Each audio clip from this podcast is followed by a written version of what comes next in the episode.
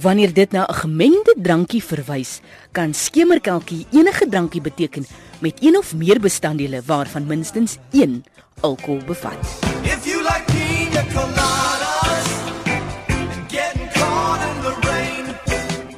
eerste aangetekende gebruik van die Engelse woord cocktail was op 20 Maart 1798 in The Morning Post en Gazetteer in Londen, Engeland. Die eerste definisie van die woord as 'n alkoholiese drankie kom voor in 'n uitgawe van 13 Mei 1806. In Afrikaans het die neologisme skemerkalkie ingeburger geraak om die Engelse term wat internasionaal gebruiklik is te vermy, net soos skemerkroeg wat 'n cocktailbar is. Daar is onduidelikheid oor die oorsprong van die skemerkalkie. Dit was tradisioneel 'n mengsel van spiritualee, suiker, water en bitters. Teen die 1860s het dit egter dikwels 'n likeur bevat. Die eerste kroeggids wat skemerkalkies ingesluit het, was in 1862, How to Mix Drinks deur Jerry Thomas. Onder die baie soorte drankies was daar 10 resepte vir skemerkalkies. 'n Sleutelbestanddeel wat die drankies van ander onderskei het, was bitters.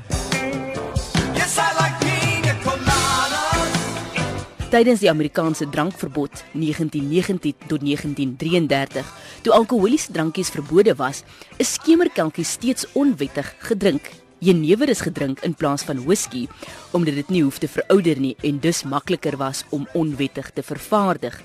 Heuning, vrugtesap en ander smaakmiddels is bygevoeg om die smaak van die swakker soorte dranke te verdoesel.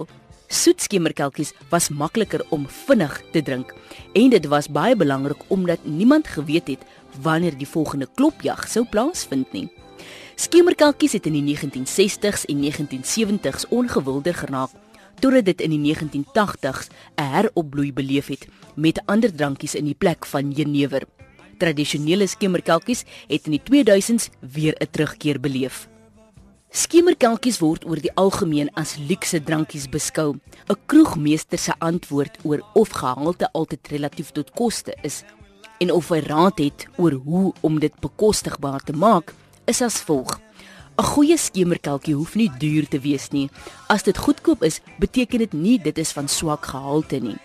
Dit gaan oor hoe jy die drankie berei. Hy kan byvoorbeeld goeie skemerkelkies met goedkoper bestanddele maak. Daar is natuurlik sekere spiritualee wat beter geur het en 'n rol in die uiteindelike smaak speel, maar dit gaan grootliks oor die mens wat dit maak. Fokus net op die bereiding. Sorg dat daar 'n goeie balans van geure is en probeer plaaslike bestanddele gebruik. En as jy vra, wat is die een bestanddeel waarsonder jy nie 'n skemerkelkie kan maak nie? Is dit ys? Ys is noodsaaklik in elke drankie, behalwe natuurlik wanneer dit veronderstel is om warm te wees.